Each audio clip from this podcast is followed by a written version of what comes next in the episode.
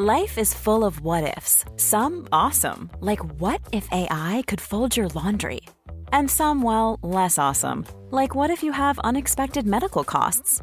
United Healthcare can help get you covered with Health Protector Guard fixed indemnity insurance plans. They supplement your primary plan to help you manage out of pocket costs. No deductibles, no enrollment periods, and especially no more what ifs. Visit uh1.com to find the Health Protector Guard plan for you.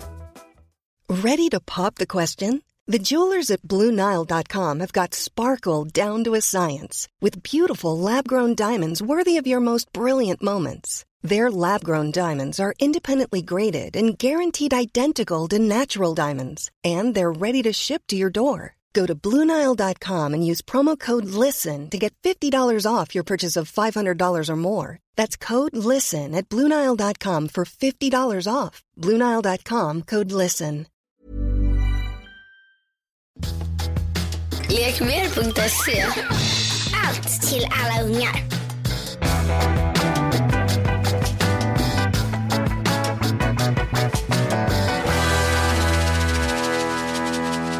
Hej och välkomna till Lille Lördag. Idag ska vi prata om någonting väldigt spännande, nämligen vänskap. Eller hur Anita, vänskapen Schulman?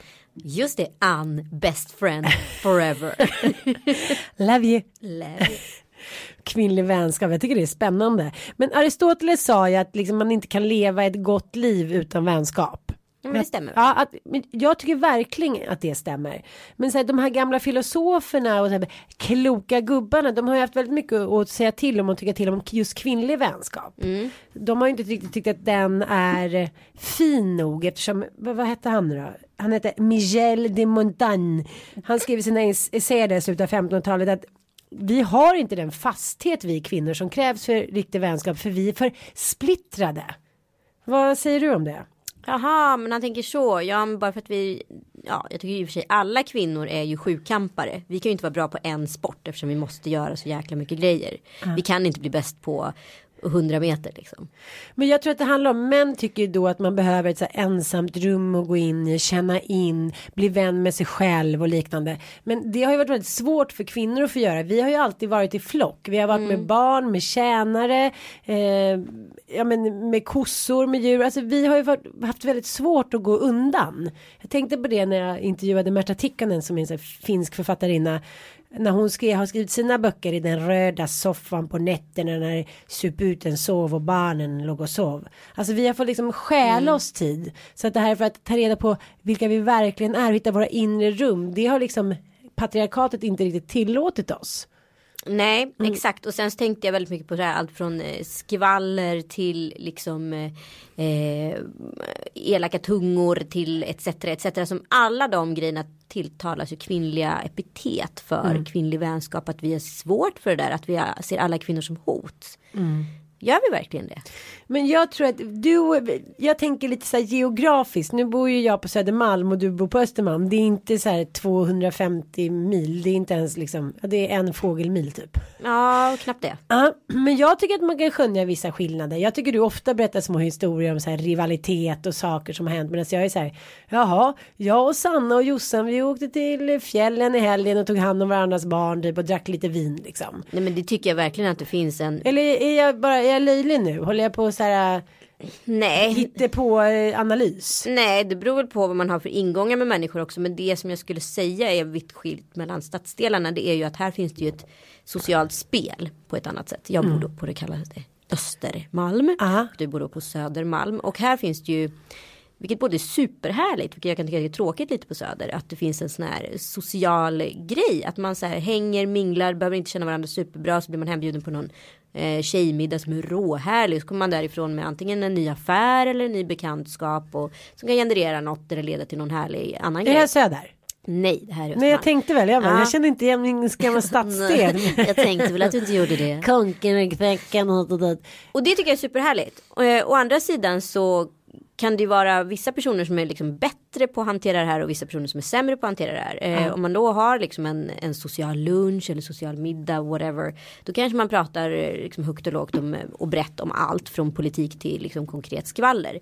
Men då tycker jag att det finns en så här ömsesidig liksom, överenskommelse tyst att så här, det som sägs det betyder inte att det är hugget i sten att det här är liksom en konkret åsikt utan det här är någonting som är just nu i stunden och sen så är det inte så mycket mer med det. Men vissa personer kanske inte riktigt kan hantera det och känner lite så här ah men det är lite spännande att hon har den uppfattningen så låt oss ta det vidare ett steg längre och kanske rapport, rapportera det här till personen i fråga som Ah den här samtalet handlade om. Ah. Och då helt plötsligt sitter du i en konflikt. Och det är ju det som är konstigt. Men det tycker jag är väldigt Östermalmskt om jag skulle säga någonting. För det har jag inte varit med på Södermalm. Jag har själv bott på Söder i över tio år. Att man så här vill vässa för att komma med en nyhet. Ja, jag fattar precis. Mm. Man vill vara den så här budbäraren som kommer med nya heta som det har snickesnackats om. Exakt och, då, och det, liksom, det finns ju något jättesjukt narcissistiskt där för att det är ju så här på bekostan av väldigt mycket för det finns ju ingenting som blir bättre mellan eh, person A, B och C utav att person B levererar nyheter om C till ja som handlar som A har sagt förstår du? Men kan, kan man beskriva det lite som att man aldrig hetar än sin senaste hit på Östermalm. Men man liksom kan få gå i gamla ljusspår och ha sin gamla slagdänga i ganska många år på Södermalm. Så kan man säga. Men det är det här, jag tycker det är lite läskigt. Det är många så små knivar i ryggen och bananskal som läggs ut. Sen, Ja men liksom, kan man också säga att det kanske också finns utrymme för om det finns lite mer pengar, det fin- är mer middagar, då är det klart att intrigerna får större utrymme. Det är ju bara att kolla igenom historien. Ja men också så här, kolla, alla har ju väldigt olika liv här. Alltså på Söder så jobbar ju väldigt många. Jag skulle säga att 90% utav kvinnorna på Söder jobbar. Eh, det gör inte kvinnorna på Söder. Nej men det gör ju inte alla på Östermalm. Och då Mm. antar jag att intressenivåerna för ett skvaller är olika baserat Mm. därför att. För en som kanske bara är hemma så är det liksom en happening i veckan. Under tiden för någon som jobbar kanske det är bara någonting som sägs i förbifarten och som har glömt det två minuter senare. Så att jag antar att det är beroende på vad man själv är i för situation. Men är det inte också så här att när både kvinnor och män kommer upp i samhället och får lite mer makt. Då börjar man bli mer och mer rädd för att förlora den. Så då är man beredd att liksom stoppa kniven i ryggen på någon för att kanske komma upp ett pinnhål. Har du känt det? Ja men absolut. Ja. Så är det ju. Men är du likadan själv då eller? Nej, jag är jätterädd för konflikter. Alltså jag är, jag är Ah, riktigt jätterädd för konflikter. Jag är, jag är en person som får en del konflikter och sådär. Men jag, jag gillar inte att driva dem och det finns aldrig något on- ont uppsåt från mig. Däremot så vet jag så här att jag har varit så jävla godtrogen i många utav de här fallen med de här nya bekantskaperna på Östermalm. Så att så här, helt plötsligt har man hamnat i den där lilla, ah, du sa det om mig. Vänta ett tag, vadå? Skojar du med mig? Har person B sagt det här om mig? Att jag har sagt det här om person C? Och till att börja med det var bara ingenting. Och så helt plötsligt blir det någonting. Och det, jag blir så fruktansvärt rädd. Jag är ju småstadsbrud. Och jag kan ju bara på riktigt säga att det här är ett riktigt Stockholmsbeteende. Jag har aldrig varit med om det tidigare i mitt liv. Och det är någonting som jag framförallt märkt i de här kvarteren förekommer mycket mer ofta än andra kvarter. Men kan man då ha en riktig vän i de här kvarteren? Ja men det kan man, absolut. Ja. Det finns ju också den, den andra sidan utav det här är att det kan ju finnas väldigt genuina liksom vä- vänner åt andra hållet. Mycket mer än på Södermalm kanske där alla är liksom lite hang loose och lite soft och alla hänger i Nytorget och gud vad mysigt det är på Urban Deli. Alltså det kan ju finnas en annan så här genuinitet. Att man så här aktivt så här uppskattar och umgås och så här aktivt väljer varandra på ett annat sätt istället för att man springer på varandra på Nytorget. Men det kanske är fördomsfullt utav mig. Ja men jag tycker vi båda är ganska fördomsfulla nu men det ibland så är både skvaller och fördomsfullhet liksom ur det sprängs ju stoff som då leder till något så här kreativt och rätt tänkande tycker jag. Annars skulle Absolut. det ju inte finnas skvaller. Utan skvaller är ju människan intet. Det betyder ju att man liksom hör ihop. Exakt. Ja. Men eh, ja, jag, jag tycker att det är lite läskigt ändå. Jag, jag tänker att, att du kanske ibland blir mer ledsen än vad det blir sken av när det pågår lite så här intriger i din krets. Ja men gud det är det värsta jag vet. Jag är så jäkla rädd och jag ser hur jag också blir rädd och slåss med näbbar och klor för jag vill inte ha någonting med det att göra och sen så blir jag i grund och botten känner jag mig bara missförstådd och dum. Men det jag, får bara säga så här, det jag tycker. Och framförallt lättlurad. Mm. Att man känner sig lurad och det är väl det som är det sorgliga att man bara vad fan alltså jag trodde vi var kompisar. Varför? Mm. Nej men det var vi tydligen inte för så här gör väl inte kompisar. Men det är någon sån solidaritetskänsla som kanske är mer sprungen ur ett annat samhällsskikt. Förstår vad jag menar? Men å andra sidan så. Ja, jag tycker ofta att de som har minst pengar är de som är bjussigast och schysstast. Det är konstigt det där. Själv känner man sig om man skulle ha liksom massa millar och, och, och kunna vara flott. Då skulle man ju bjuda alla man älskar på allt. Ja men med det sagt har väl du också trampat någon på tårna? Absolut. Och jag med. Absolut. Det är inte så att vi sitter här och guds... Nej men det är ju inte lätt. Jag tänkte på nu i helgen när jag varit uppe i fjällen med några kompisar. Och vi har bott då kvinnefolket med massa barn. Det är inte enkelt. Allt från liksom vem ska betala vad. Vem, har man ansvar för varandras barn? Eh, har barnen ansvar för varandra? Ska vi gå ut nu? Får man säga vad man vill? Det är liksom. Vad, när var ni närmast konflikt? Eller när blev det liksom lite mindre bra stämning kanske man kan säga. För jag antar att det är bra stämning hela tiden. Ja, bra, dålig stämning.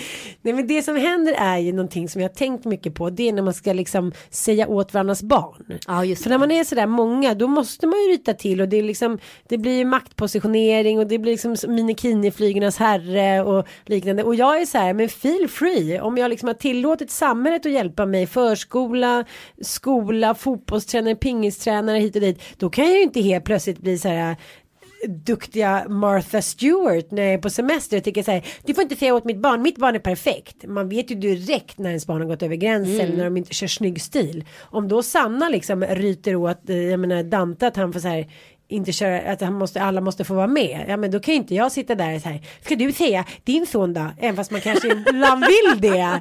Jag, jag tror på det. Jag tycker det är bra med solidaritet Mm. och kollektivt ansvar. Vad fan, vare sig det gäller liksom att någon har våldtagit ens kompis eller någon har liksom stulit någonting. Så här, ja, vi vet vad som är rätt och fel. Vi går in och hjälper till där någon kanske inte orkar eller har tid eller vill eller kan.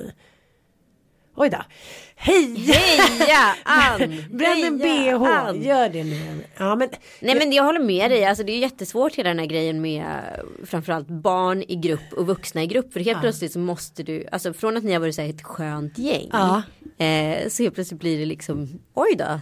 Så där uppfostrar hon sina barn. Precis. Jag har verkligen sett vänskaper som har gått eh, i stöpet på grund av sådana här grejer. Ett par kompisar som åkte till eh, ut, utlandet med sina bästa parvänner för ett par år sedan. Som kom hem som aldrig mera pratade med varandra. Mm. På grund av att de hade sådana otroligt olika uppfostransideologier. Ja, men jag känner så här, åk utomlands med dina vänner och ta reda på vilka som är dina riktiga vänner. Men en, ett, en intressant sak som jag också sett det är med, med kompisar som har varit så här väldigt, hej jag har näppstövlar, jag vet jag har prussiluskan, jag kan allt rätt och fel. Och som har varit så här, okej, men om du vill ha clementiner och russin och typ nötter utan amerikansk salt liksom, i din godispåse när ditt barn fyller två år. Men ha det då, men nu är det jag som ska ha mitt kalas och jag vill ha liksom äckliga cigaretter och liksom klubbor och det. Några stycken. Det är så mycket. E-ämnen på det här kalaset va? Jag vill vara drottning av E. Ja.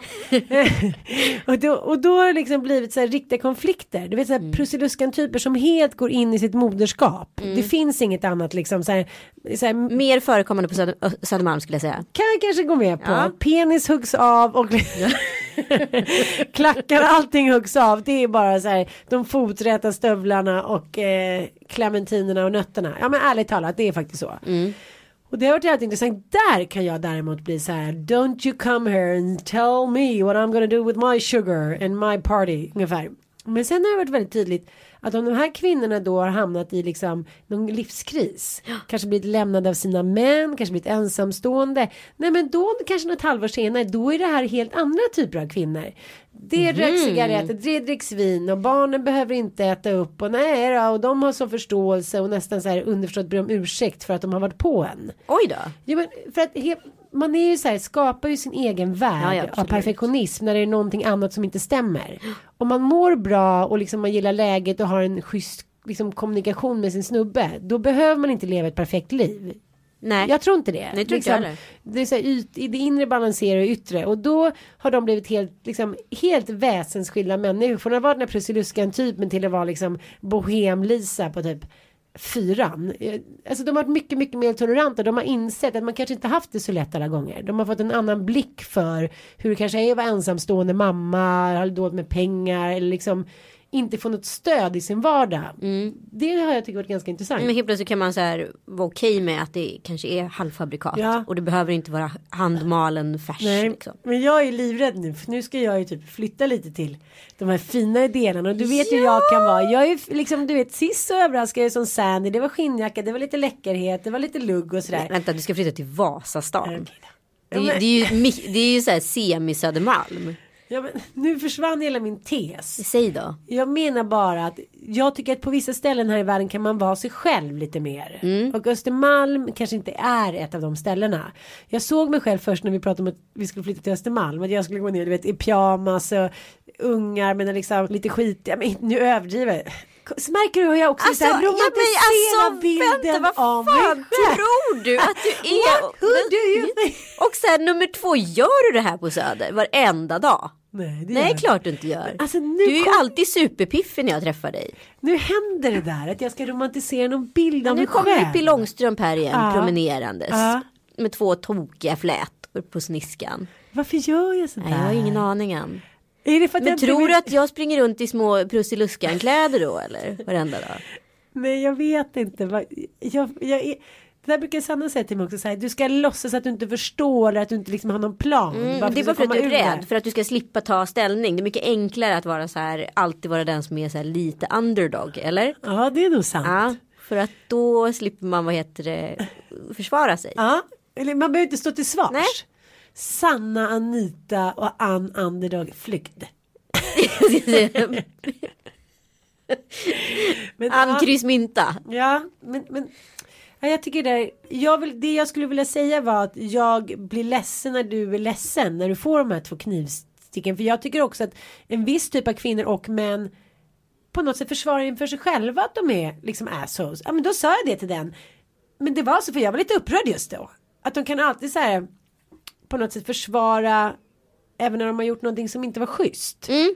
Och den, den förstår inte jag. Är det, en, det är ju såklart en form av narcissism. Ja men absolut. Men är det också liksom ett psykopatdrag att inte förstå när man har gjort fel?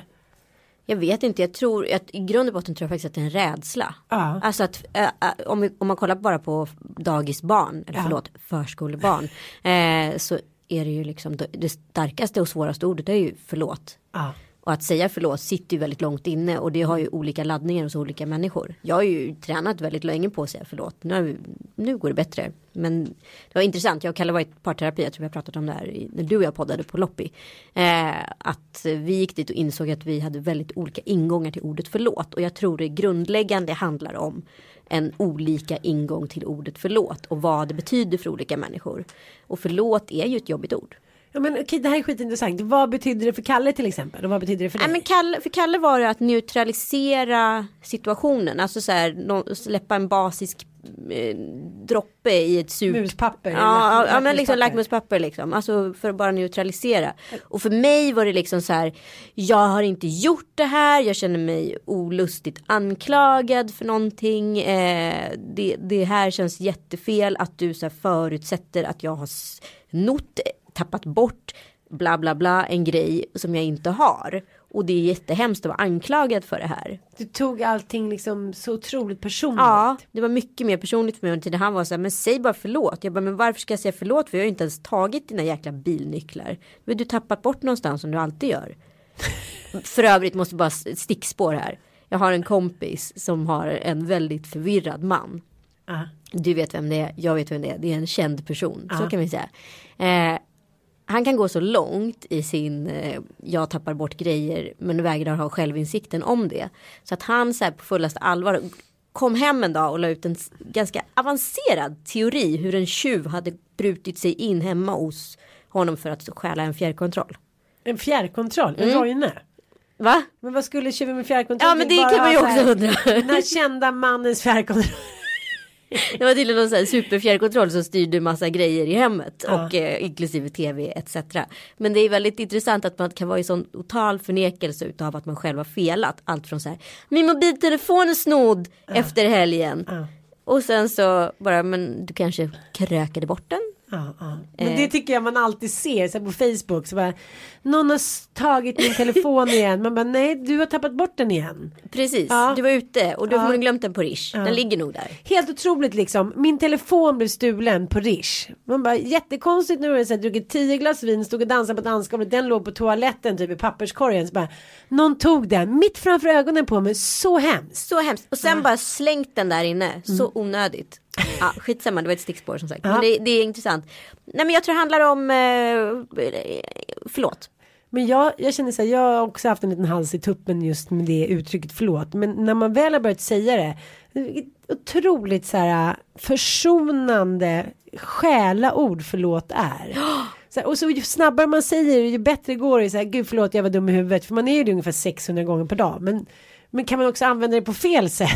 man kan bete sig lite hur som helst. Förlåt. Ja, men som Penny, Ja, min dotter. ja. Hon, hon använder ju förlåt i inte i proaktivt syfte utan så här, snarare så här jag smäller till min lillebror skithårt och säger förlåt och då är det okej. Alltså Jaha, hon har okej, värderat okej. det liksom Hon helt kollar annat. läget, hon säger pros and cons och sen så går hon och lappar till och sen så. Ja men exakt, ja, gud förlåt. Man bara, Mm. Ja så kan man göra. Det är också, det är också en teknik.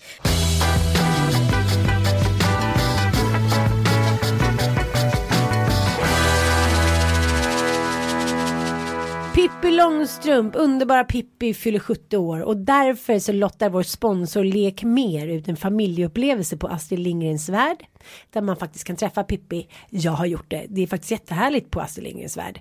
Eh, vill ni vara med och tävla så gå in på facebook.com slash lekmer. Tjo!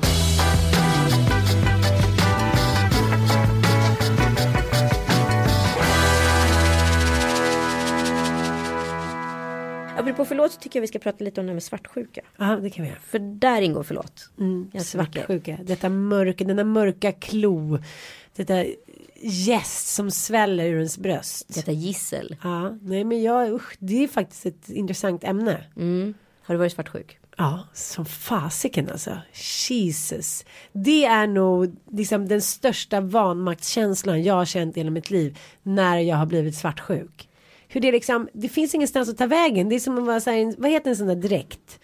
Tvångströja? Ja, tvångströja. Man bara försöker hitta utvägar men ändå så bläckfiskarmarna bara sitter fast där inne. Men jag tycker att det är Alltså hos mig när jag varit svartsjuk Som värst Det är nog nästan det mörkaste jag kan nå i mig För att de vanföreställningar, idéer, tankar som kan dyka upp i min skalle När jag är svartsjuk Fan vad det är mörkt alltså Hur lärde du dig och eh, stoppa ner min blå påse och lägga dem i änden av sängen? Ja, hur lärde jag mig det?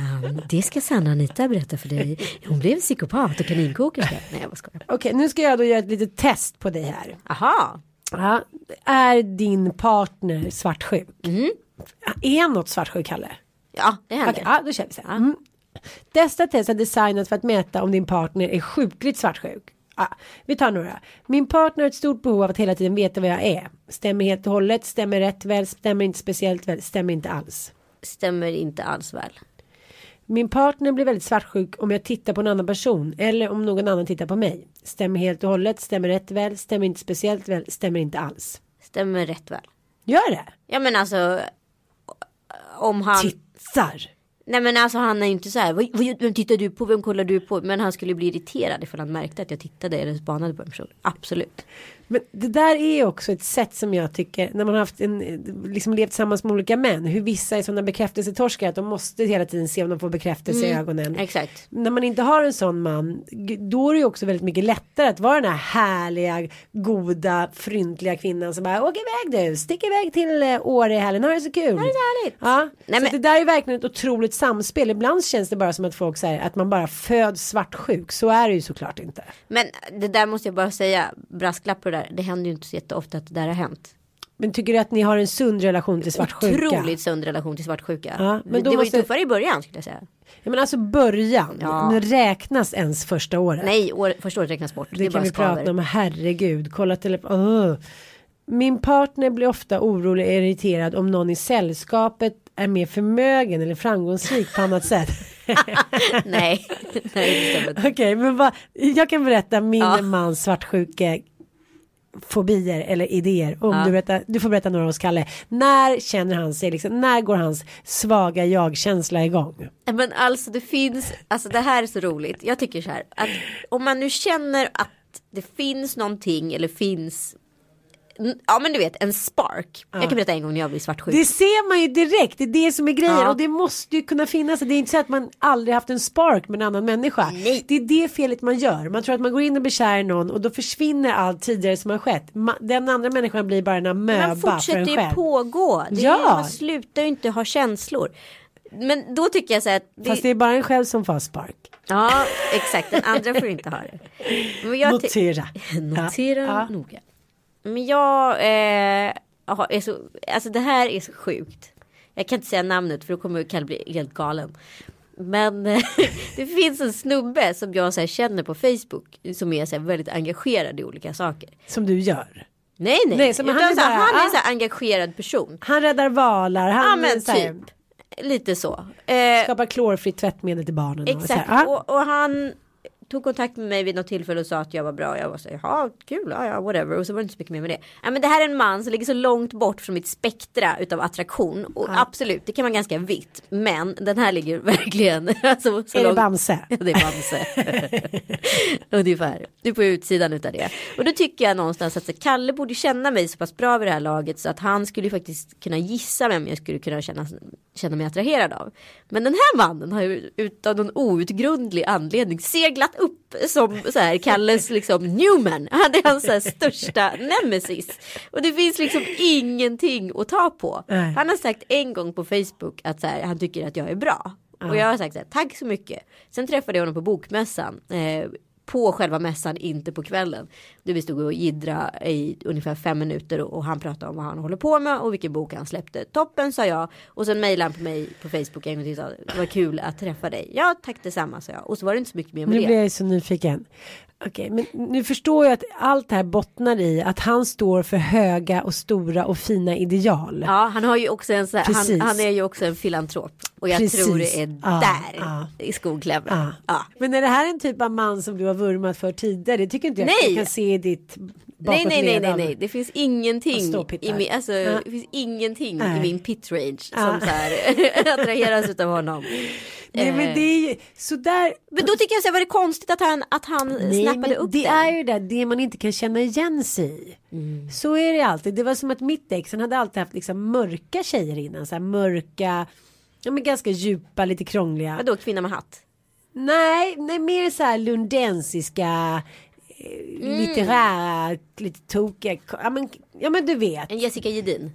Ja men alltså P1-kvinnan. Ja. With a crazy bananas twist liksom. Exakt. Ja och då var det hela tiden så här att jag jag tänkte under alla år tänkte jag gud han vill nog egentligen att jag ska vara mörk. Så jag färgade håret någon gång och det, ja, det var det snyggaste han sett. Åh han tyckte jag var så fin. Och jag kände mig som en Margade häx typ.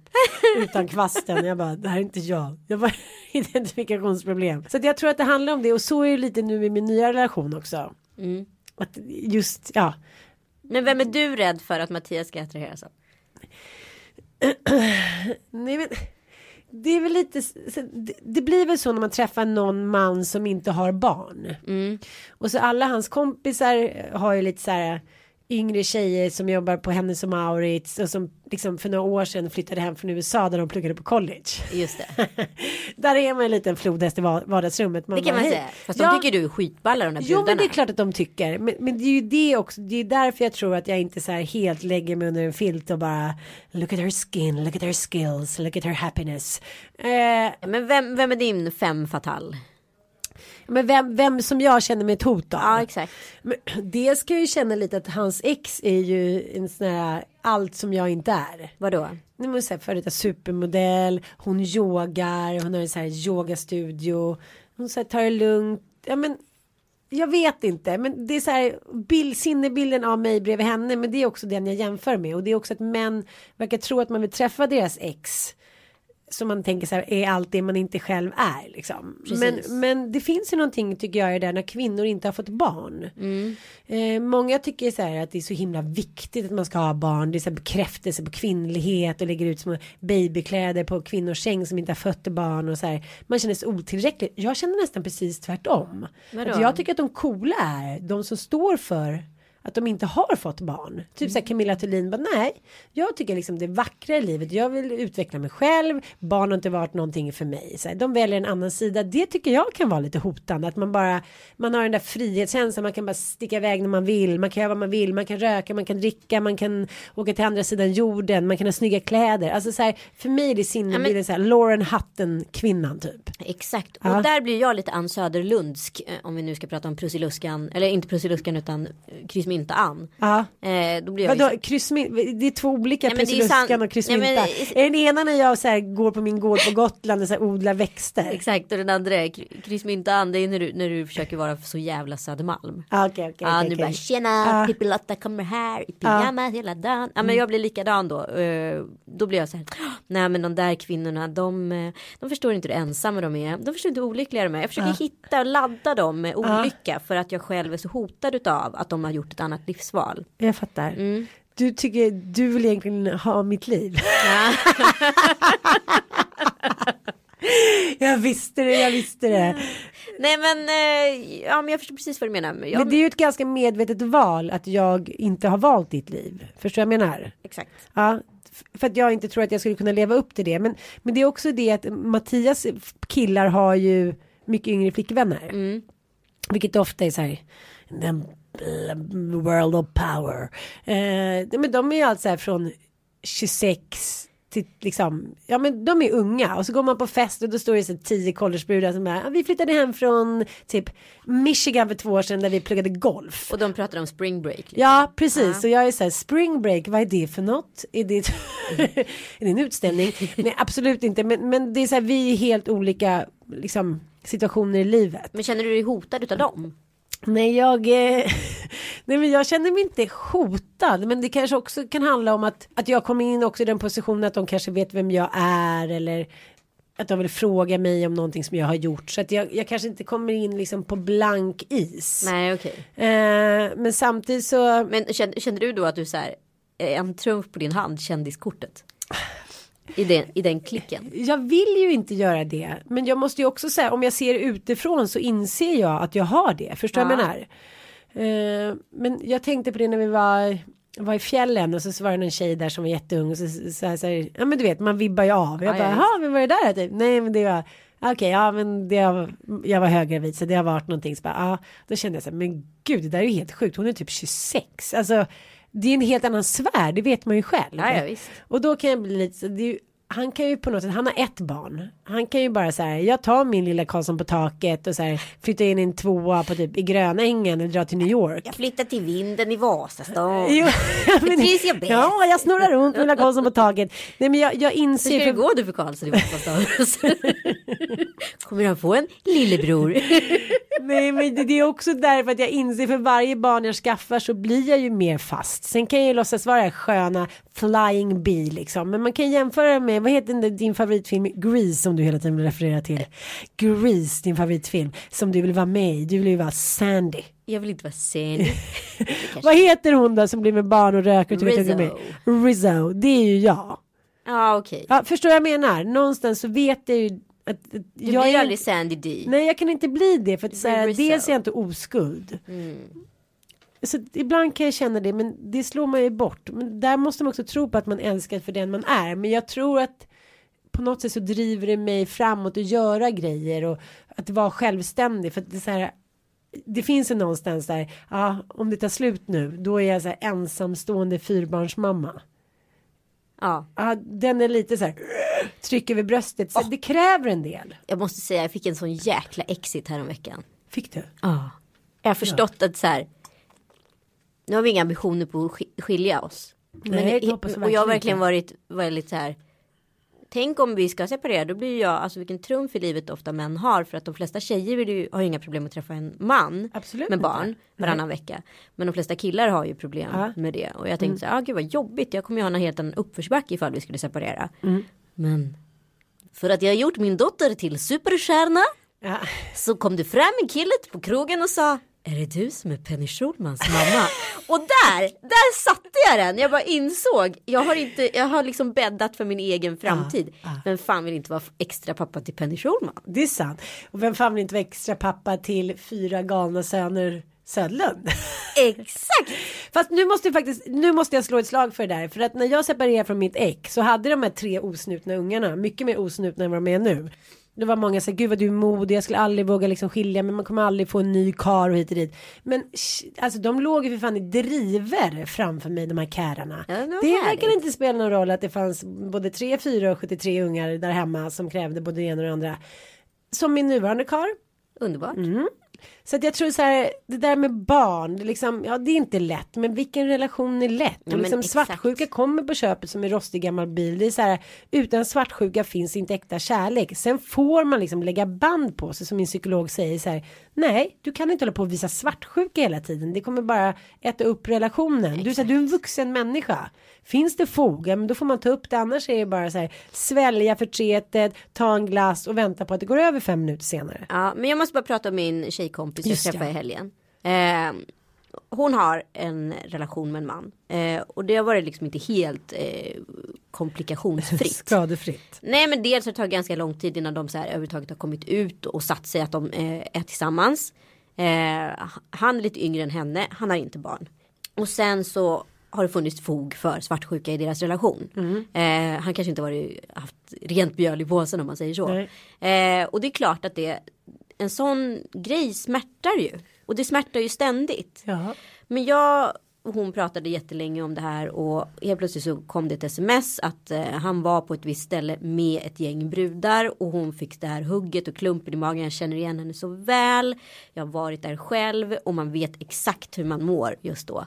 Ehm, men då kom jag på att grundläggande är ju så att alla vill ju inte ha en snubbe. Även för att man själv tycker att en snubbe är det hetaste som finns. Så betyder det inte att alla världens kvinnor Nej. liksom vänder sig om på gatan som i en Axe-reklam.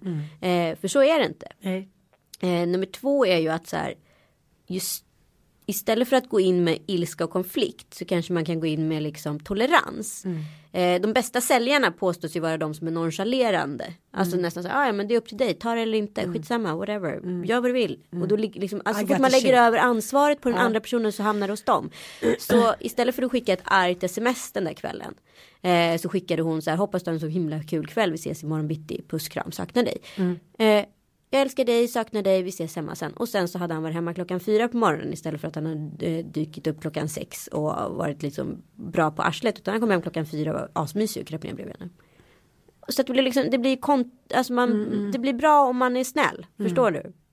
Eh, nej men alltså men istället hjärtat, för kill him with ja. kindness. Jo jag fattar men liksom nu det blir bara roligt så här då kommer hem fyra istället för sex man men- bara way to go. Men jag förstår andemeningen är om man möter istället för att möta med så här oro för att den andra men man kan Så fort du säger så här, var hemma klockan tolv. ja. Eller vi slutar Nej, nej, göra ja, det. Det är då det blir fel liksom. Men, men samtidigt så måste man säga att ibland har man verkligen behov av att den ändå, det kan ju vara som man har precis fått barn, man är så eller så, då måste man ju bemöta det också. Mm. Men, men alltså, det är ju det som gör, när man är svartsjuk, då är ju allting ett hot. Så här, ens partner går på tunnelbanan, ens partner är det, man tror att det finns en liksom presumtiv älskare vid varje, liksom överallt. Och det handlar ju om självkänslan. Det är liksom där man måste ta tag i. Men jag kan ju känna ofta när jag har gått in i nya relationer så fin- det handlar ju bara om rädsla liksom. Ja, det är Svartsjuka är ju bara bara rädsla. Att jag kan spela lite på det där. Oj då vem var det? Hmm, håller på lite med telefonen. Men, man kanske smsar någon som man inte alls borde smsa. Man kanske står och pratar med någon som man vet att den andra alltså där handlar det om om en otrolig rädsla att man är rädd för att den andra inte har bestämt sig Precis. Ja, så allting handlar ju om trygghet och det får man ge varandra. Exakt, men det kontraproduktiva är det där som man gör första året. Det är att man lite vill liksom spela det där ja, kortet. ja, ja. Man lite så här, så här, du ska inte veta vad du har mig. Och vad Mm. Jag vinner vet någon inte vad jag det? har dig. Precis, det är det enda det skapar. Men samtidigt så här, det första året. Ja, Vi borde it. skriva den boken. Det Eller hur? första året, det skulle hjälpa så många. Så här, ha en så här rosa fluffig buss som åker omkring så står det så här det första året på. Exakt. Då ska man gå in och be om råd och gråta ut eller så här få veta att man är helt bakom flötet eller Vore inte det bra? Underbart. Jag tycker det borde finnas rosa bussar för det mesta. Inte den där afrikanska resebyrån. Rosa bussarna. Nej men rosa bussar. För med rosa bussarna 200 personer som sitter i en gammal SL-buss som är ommålad. Det Skitäckligt är är det. Nej men jag har levt i relation med svartsjuka. Det är ju väldigt väldigt förgörande och förtärande. Och det kan leda till både det ena och det andra om man säger så. Mm. Våra bästa tips för svartsjuka människor. Så här, gå till en psykolog, gör det bara. Red ut det. Exakt, bli av med hjärnspökena. Apropå rosa, jag måste prata om en annan grej. Mm, Nej, du måste, vet- du, nej, nu måste vi bjucka på det här. Vad är det värsta du har gjort som svartsjuka hämnd? Det värsta jag gjort som svartsjukehämnd är... Skämskudden är det nu. Mm. Sk- Skämskudden. Men jag kan, kan jag inte få berätta om ett svartsjukescenario som var rätt då? Ja, Ja. Men jag, jag, vet inte, jag vet inte, alla har ju den här magkänslan. Man vet ju när det, när det är skit i luften och görningen. Alltså så kan man ju säga. Eh, och jag dejtade för tusen år sedan en DJ. Utan någon jävla anledning. Eh, som jag tyckte var ballast i stan. Eh, och kom upp på hans nattklubb och det liksom står en annan liten brud där. Hon är ungefär samma size som mig fast hon är blond och lite så här Pamela Anderson-ish. Um, han står och skålar med mig och henne liksom med så här shots och jag bara känner någonting som är jättefel. Han är också lite så här artig mot mig. Han är inte så här genuin och varm. Typ som att du bara vore en bekant. Exakt men så här tjena! Känslan. Tja! En kindpuss, kanske en visk i örat som så här är lite diskret istället för att så här puss på munnen och mys och pys. Och jag bara sa till min kompis, jag bara fan vi, vi går ut, vi, vi skiter i det här, vi åker hem. Jag, jag pallar inte men vi kan vänta utanför nattklubben för att eh, den stänger snart. Eh, så väntar vi där och så står vi runt hörnet så han ser inte oss och mycket riktigt så kommer han tassande som en liten jäkla råtta med den där tjejen i släptåg och hoppar in i en taxi. Och jag stod och bevittnade det där. Aj, aj, Aj, aj, aj, aj, aj, aj. Oj vad det gjorde ont. Oj, oj, oj vad jag grinade. Oj vad jag låg hemma på soffan och skakade som ett asplöv. Nu, kom, nu fick jag upp massa bilder. Ja, när jag var på tågluff på Mallis. Mm. Det var slut med mig och mitt ex Perre. Och sen så, äh, men jag var ändå lite kär i honom och han var kär i mig. Vi var jättekära i varandra. Och sen så är vi på en nattklubb. Och så står han där med någon norsk kone. Eh, och helt plötsligt så bara så här. Ska han gå iväg med henne? Och jag bara, vad gör du typ? Han bara, vadå vad gör du? Du har ju dumpat mig typ. Jag bara, jaha. Och det gjorde så ont. Jag gick hem på det. Jag kunde inte vara kvar. Så jag gick hem till det där tattiga hotellrummet på den så här. Ah, du vet det, så här sämst, nej, sämsta mallis, grismallis. Och låg i den där utbäddsoffan, vi var typ 22 personer på tre kvadratmeter. Och sen så klättrade, sen kom han faktiskt senare på natten och klättrade upp för spaljén på hotellet och bara förlåt. Då var Och du det där bitterljuva, jo jag vet men det är ju så här. Ah, vi har ingen skämskudde där, jag har i och för sig hällt ut en öl över honom. Ja, men jag kan, jag kan berätta, jag ser på lite skäms. Ja men ett ex dumpade mig jävligt hårt. Eh, och jag skulle hämta lite grejer i lägenheten. Och uppenbart så hade hans nya redan etablerat sig där. Så att eh, hennes grejer hängde liksom parallellt med Nej, mina. Alltså det var så smärtsamt. Alltså var så smärtsamt. Eh, då tog jag i alla fall hennes eh, tandborste. Och stoppade ner i to- toaborsteburken. och så, så satte jag den på så tork liksom. Så att det verkligen skulle gå in. Nej. Jo, det, det är nog det värsta jag gjort. Det tycker jag ändå var lite påhittigt. Ja men det var lite kreativt. Ja, i- det var ändå kreativt.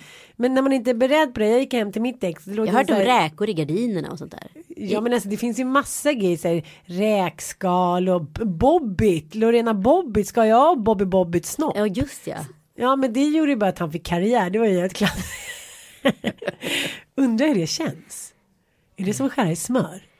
Gud jag funderar på det. Nej, men jag tänker att det blir som en fläskfilé. Som man så här kapar. Nej men jag ser inte att det vore något helt omöjligt. Alltså jag menar inte att jag ska göra det men, men det var en omöjlig grej att genomföra. Nej. Nej men alltså det är den yttersta hämnden. Ja. Och alla liksom penisavund och Freud och hit och dit. Ja men vi kan skära av den om ni inte sköter er. Men jag fattar inte hur det går till. Låste de fast honom då på något sätt? Eller gjorde de när han sov? Nej men vad, vadå? Man, det är så som du gör när du liksom jerk off. Man tar tag i den, tar kniven och drar av. Alltså du håller i, du drar ut den.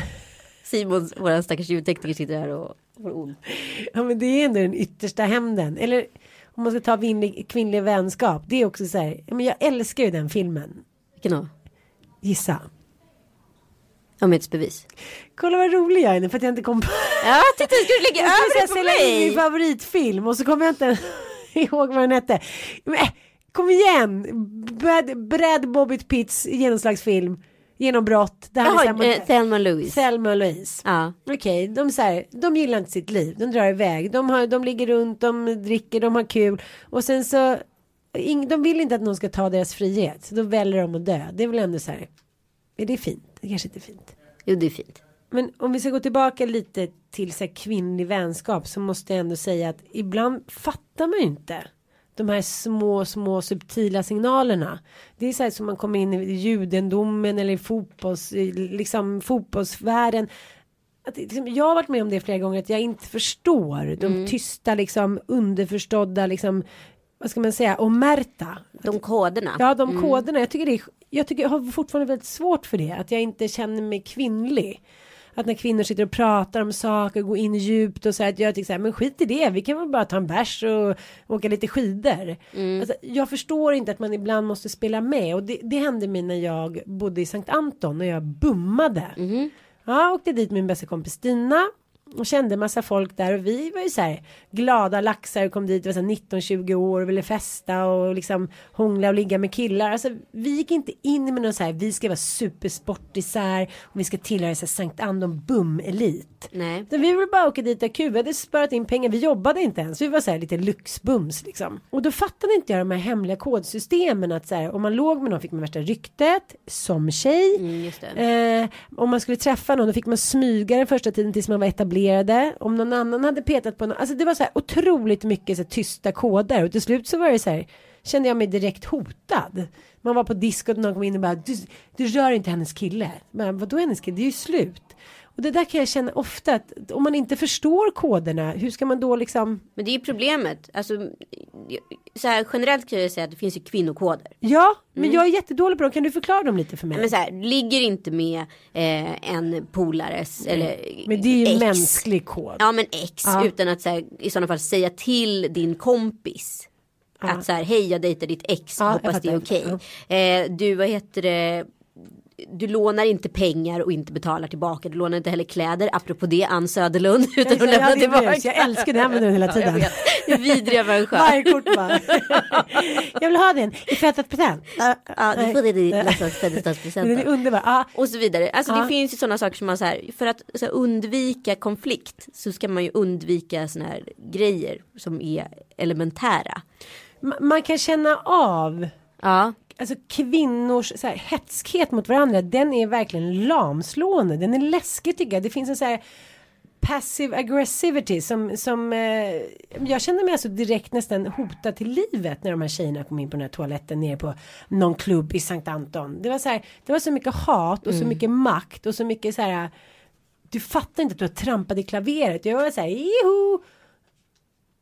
Jag, förstår, jag tycker att det är jättesvårt med de där koderna. Det är kanske Ja. därför jag är rädd för att flytta från söder. Där är vi alla så här glada socialister som så ställer upp.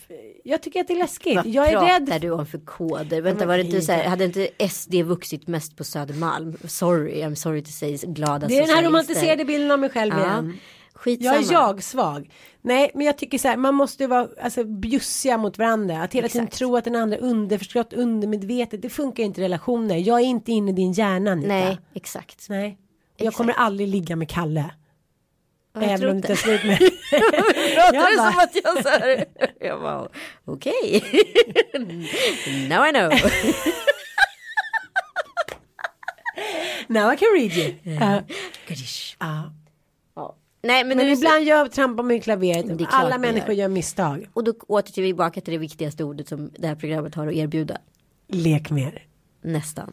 Förlåt. Förlåt Anita. Men vi har aldrig varit dumma mot varandra. Nej. Vi kommer säkert vara det någon gång. Jag säger förlåt för det redan nu. Men jag säger förlåt i förebyggande syfte. Mm. Så har vi en förlåt upp på varandra. Jag älskar dig. Älskar dig. Puss, Förlåt. puss. Ha det. Hava. Lekmer.se Allt till alla ungar.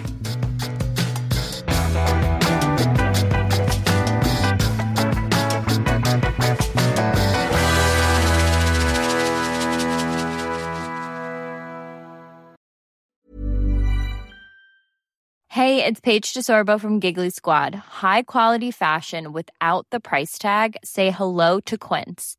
I'm snagging high-end essentials like cozy cashmere sweaters, sleek leather jackets, fine jewelry, and so much more. With Quince being 50 to 80% less than similar brands. And they partner with factories that prioritize safe, ethical, and responsible manufacturing. I love that. Luxury quality within reach. Go to quince.com slash style to get free shipping and 365 day returns on your next order.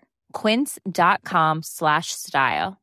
Imagine the softest sheets you've ever felt. Now imagine them getting even softer over time. That's what you'll feel with Bowl and Branch's organic cotton sheets. In a recent customer survey, 96% replied that Bowl and Branch sheets get softer with every wash. Start getting your best night's sleep in these sheets that get softer and softer for years to come. Try their sheets with a 30-night guarantee. Plus, get 15% off your first order at bowlandbranch.com. Code BUTTERY. Exclusions apply. See site for details.